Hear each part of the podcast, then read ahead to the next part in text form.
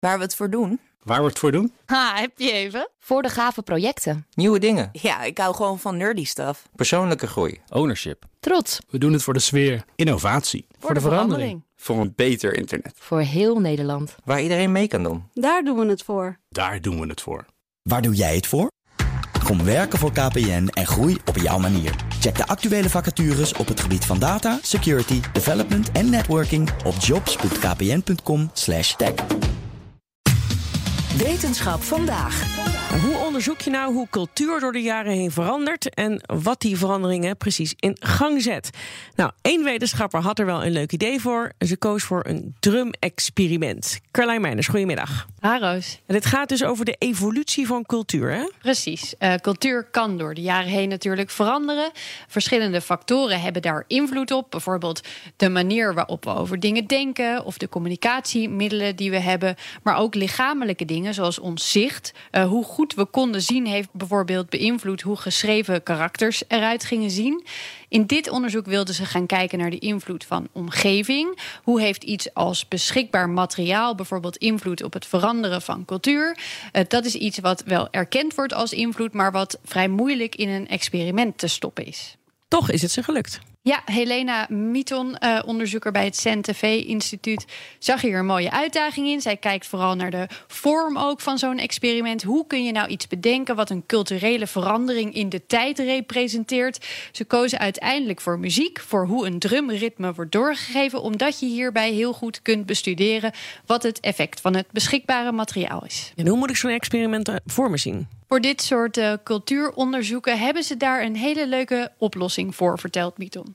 The kind of main criteria is that you still get generations. Because uh, one of the main thing about culture is it stays even if the people change. So that's why you have this structure called transmission chain, which is kind of like the children game telephone, where you have a first kid that is given a sentence and has to repeat it to the second kid. And you do that for several kids in a row. And usually by the end of the chain, you get a very different sentence than the one you started with. Ah, dat is het doorfluisterspelletje, Carlijn. Precies, ja, die kennen we denk ik allemaal nog wel van vroeger. Uh, hier hebben ze iets vergelijkbaars gedaan, maar dan met drumritmes.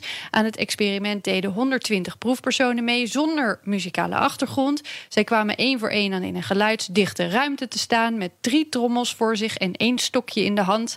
En daar kregen ze verschillende ritmes te horen die ze dan zo goed mogelijk moesten naspelen. Dat kon dus een basisritme zijn, dus het eerste zinnetje, of eentje die al was ingespeeld door iemand anders. En elk groepje of rijtje bestond dan uit zes mensen. Klinkt best makkelijk. Ja, nou, er zat nog wel een extra uitdaging in... waar de proefpersonen dan weer niets van wisten. En dat was dat ze gevarieerd hadden met de afstand tussen de trommels. Bij het ene groepje van zes stonden ze alle drie op gelijke afstand van elkaar. Bij het andere groepje was één trommel wat verder weg. En zo maakten ze vier settings. En vervolgens werd de proefpersonen ook verteld... in welke volgorde ze die trommels moesten gaan gebruiken. En voor je nu denkt dat is niet te doen... want dan moet je en een ingewikkeld ritme... en dan ook nog eens een patroon onthouden. Die ritmes vielen best wel mee.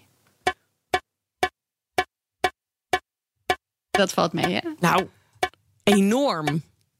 dat is precies, dat is heel erg ingewikkeld. Wat hoopten ze hiermee te testen? Nou, in hoeverre de toegang tot het materiaal en de manier waarop het werd gebruikt invloed had op de evolutie van dat ritme. Hun hypothese was dat de laatste versie van elk drumritme af zou wijken van het origineel. En dat in elke setting dit eindritme anders geëvolueerd zou zijn. En dat klopte ook. Uh, wat je net hoorde, dat ritme, dat klonk uh, bij nummer 6 ongeveer zo. Niet hetzelfde dus. Helemaal niet. Nou ja, zeg. Dat is ook bijzonder.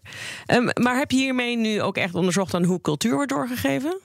Ze hebben in dit onderzoek heel erg gezocht naar een manier om één factor te kunnen testen. En uit te sluiten dat andere factoren, zoals biologie of psychologie, ook invloed uitoefenen op dat doorgeven. En dat is ze denk ik wel gelukt. Wat Miton zelf zegt, is dat ze hoopt dat dit als inspiratie kan dienen voor een nieuw soort benadering van cultuurevolutie. En dat dit weer allerlei nieuwe interessante onderzoeken op kan leveren. Dankjewel, Carlijn.